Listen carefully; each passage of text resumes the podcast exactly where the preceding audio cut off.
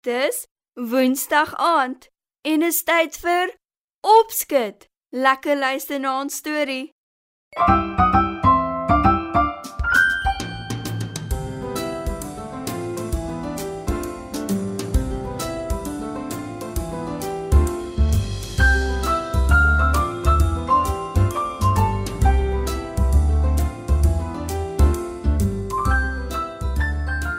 Goeienaand, maats. Almal weet leeu is die koning van die diere, nie waar nie? Maar hoe het dit gebeur en wie het hom gekies? Dis waaroor ons storie vanaand gaan. Daar was 'n tyd, lank, lank gelede, toe leeu 'n baie sagte stem gehad het. En soos te verstaane, pla dit hom baie. Wanneer hy probeer brul, is al wat uitkom 'n sagte piepgeluid.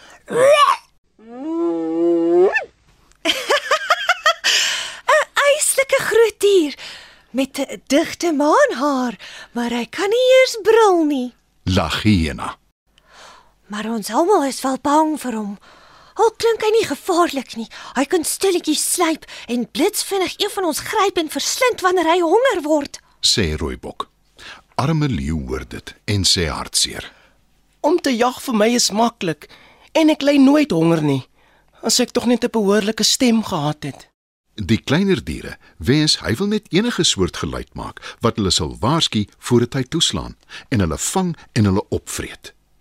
Hulle loer die heeltyd oor hulle skouers om te sien of hy nie dalk nader geslyp kom nie. En op 'n dag besluit hulle daar moet iets aan die saak gedoen word.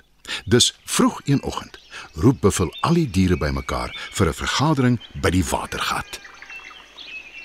Dis so vroeg dat die voëls pas begin sing het om die nuwe dag aan te kondig. Allerhande diere woon die spesiale vergadering by. Net leeu is nie daar nie, want dis heeltemal te vroeg vir hom om al op te wees. En die diere het ook seker gemaak dat hy nie van die vergadering te hore kom nie, anders sal dit net 'n mors van tyd wees. Toe Buffel tevrede is dat almal teenwoordig is, groet hy hulle en sê: Ek het julle almal hier saam geroep omdat ons 'n eislike probleem het. Een waaraan ons vandag nog iets moet doen. Die diere weet almal die probleem waarvan Buffel praat is leeu en sy sagte stem. En dit is toe ook wat Buffel aankondig. Die manier waarop leeu jag sonder om 'n geluid te maak, dit kan eenvoudig nie so aanhou nie. Ons moet aan 'n plan dink. sê Buffel. Die diere stem almal saam en Bobbejaan sê: Binnekort is die hele lot van ons opgevreet. Ons kinders sal nie eers kans kry om groot te word voordat hulle ook in die slag bly nie. Ek dink ons moet 'n klok om leeu se nek hang, dan sal ons hom van ver af hoor aankom. sê Aap. Nee wat op. Dis heeltemal te onprakties. Maar dankie in elk geval vir jou voorstel. Enigiemand anders? sê Buffel. Toe staan Haas op. Hy maak sy keel skoon en sê: Vriende, ek sal leeu laat brul. Ek gee julle die versekering dat ek dit sal regkry voordat die son vandag sak. "Die ander diere is skepties toe hulle dit hoor." Maar Buffel sê: Ons gee jou die voordeel van die twyfel en ons hoop van harte jy kry dit reg. Haas laat nie gras onder sy voete groei nie. Hy loop na leeu se lêplek toe in die grot naby die berge. Hy gaan staan op 'n rots en roep luidkeels. Ek is jammer, leeu, maar ek bring slegte nuus so vroeg in die oggend. Leeu kom lui lui uit die grot geloop en Haas voeg by. Jou broer is baie siek. Hy is so siek dat hy my gestuur het om jou te kom roep. En waar's my broer nogal? Vra Leeu ongelowig. En Haas antwoord: Aan die ander kant van die berg. Ek sal jou soontoe vat. Leeu vertrou nie die vrede heeltemal nie, maar hy is nuuskierig en hy stem in. En Haas en Leeu begin loop. Na 'n hele ruk, toe Haas sien Leeu begin moeg raak, stel hy voor. Ek dink ons moet dalk eers 'n ruk rus. Goeie idee. Stem Leeu in. Hy gaan lê uitgestrek op die grond en is sommer gou vas aan die slaap. Dis die kans waarop Haas gewag het. Hy roep vinnig die heuningvoël nader. Hulle het vooraf ooreengekom dat sy Haas sal help. Heuningvoël lei Haas na 'n byenes toe. Hy haal 'n groot koek heuning uit en los 'n stuk daarvan vir heuningvoël. Sy is tevrede en Haas loop na die leeu toe met die res van die heuningkoek. Hy druk die heuning uit die koek uit en drup dit op die slapende leeu se ore, sy neus, sy nek, sy pote en selfs onder sy stert en op sy boude. Toe hardloop hy weg so vinnig as wat sy bene hom kan dra. Hy weet dat die bye binnekort wie ook al hulle heuning gesteel het, sal aanval.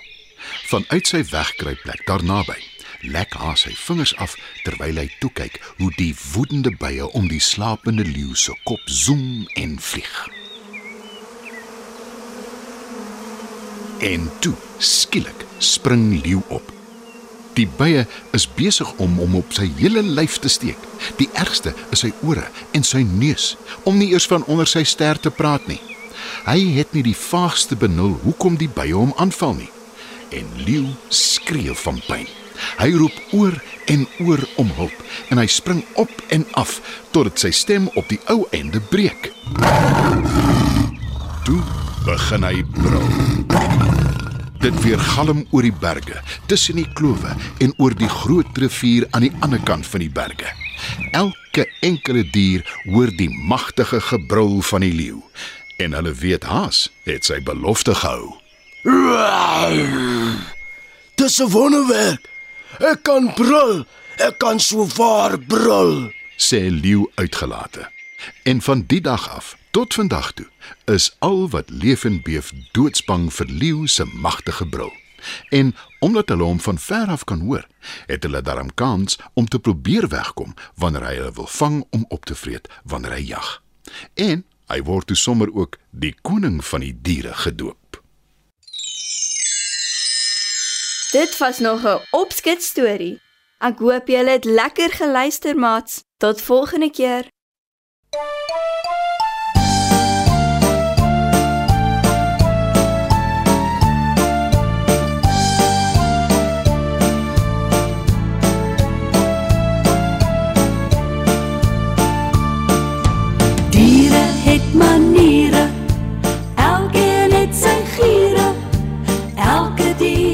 Doen sy eie ding. Luister bietjie mooi, ek gaan jou nou vertel. Diere het maniere net soos ek en jy. 'n Slang en 'n beer, hulle slaap die hele winter deur in die somer soek hul kos, dan moet jy oppas, meneer. 'n Uil jag in die en slaap weer in die dag. Apies swaai in die bome rond, hulle speel en ras en lag. 'n Kokketiel en papegaai kan praat net soos jy. En 'n Piet my vrou soek altyd 'n maat om by te bly. Vir kleurmannetjie het mos 'n reënboog ingepak. Hy kan sy kleur verander, dan sien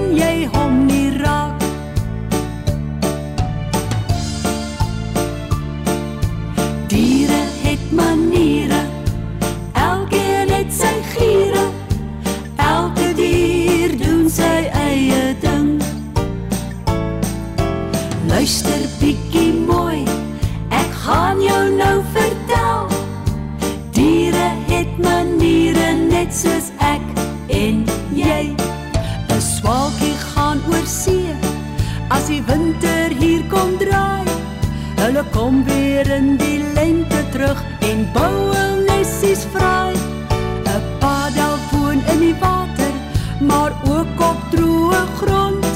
En 'n hasie en 'n kat